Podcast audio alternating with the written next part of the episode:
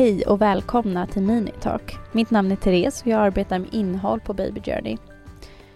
I den här minipodden kommer ni få ta del av korta informativa avsnitt kring graviditet och småbarn. Och med oss idag har vi vår barnmorska Sofie.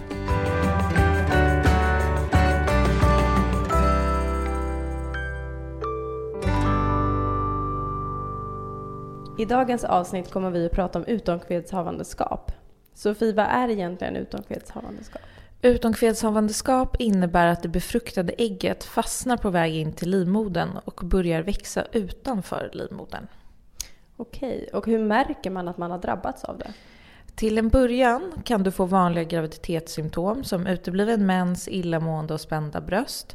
Men efter, när ett par veckor har gått kan du få kraftig buksmärta och blödningar. Är det farligt att drabbas av utomkvedshavandeskap? Ja, så fort du misstänker att du har drabbats eh, ska man söka vård. Och vart vänder man sig om man vill söka vård? Det är till akutmottagning eh, eller gynakut. Det finns ju inte på alla ställen i Sverige, men framförallt till akutmottagning eller en gynmottagning om det är dagtid. Okej. Vad är det för typ av behandling om det är så att man har drabbats av utomkvedshavandeskap? Det finns tre behandlingsalternativ. Ibland avvaktar man och du som patient får komma på ett par besök där man tar blodprov för att se att grav mängden graviditetshormon sjunker. Förhoppningen är då att eh, kroppen själv ska ta hand om utomkvedshavandeskapet.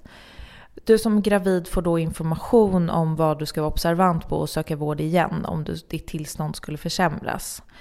Ibland väljer man att behandla med läkemedel.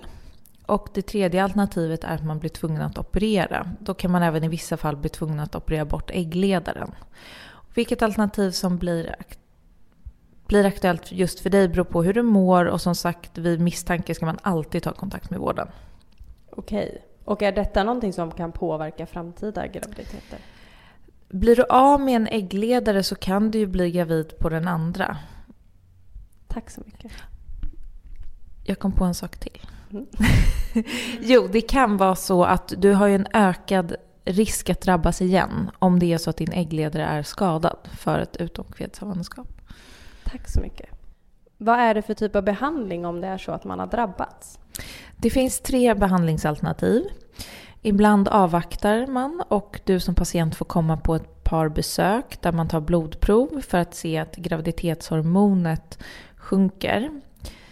Förhoppningen är då att kroppen ska ta hand om utomkvedshavandeskapet själv eh, och stöta ut det som ett missfall. Ibland väljer man att behandla med läkemedel. Och det tredje alternativet är att man blir tvungen att operera. Då kan man även i vissa fall bli tvungen att operera bort äggledaren. Och vilket alternativ som blir aktuellt just för dig beror på hur du mår och som sagt vid minsta misstanke ska man alltid ta kontakt med vården. Okej. Och är det så att om man har drabbats att det kan påverka framtida graviditeter? Det finns en ökad risk att drabbas en gång till, men den sannolikheten är väldigt liten. Tack så mycket. Tack för att du har valt att lyssna på Minitalk med oss.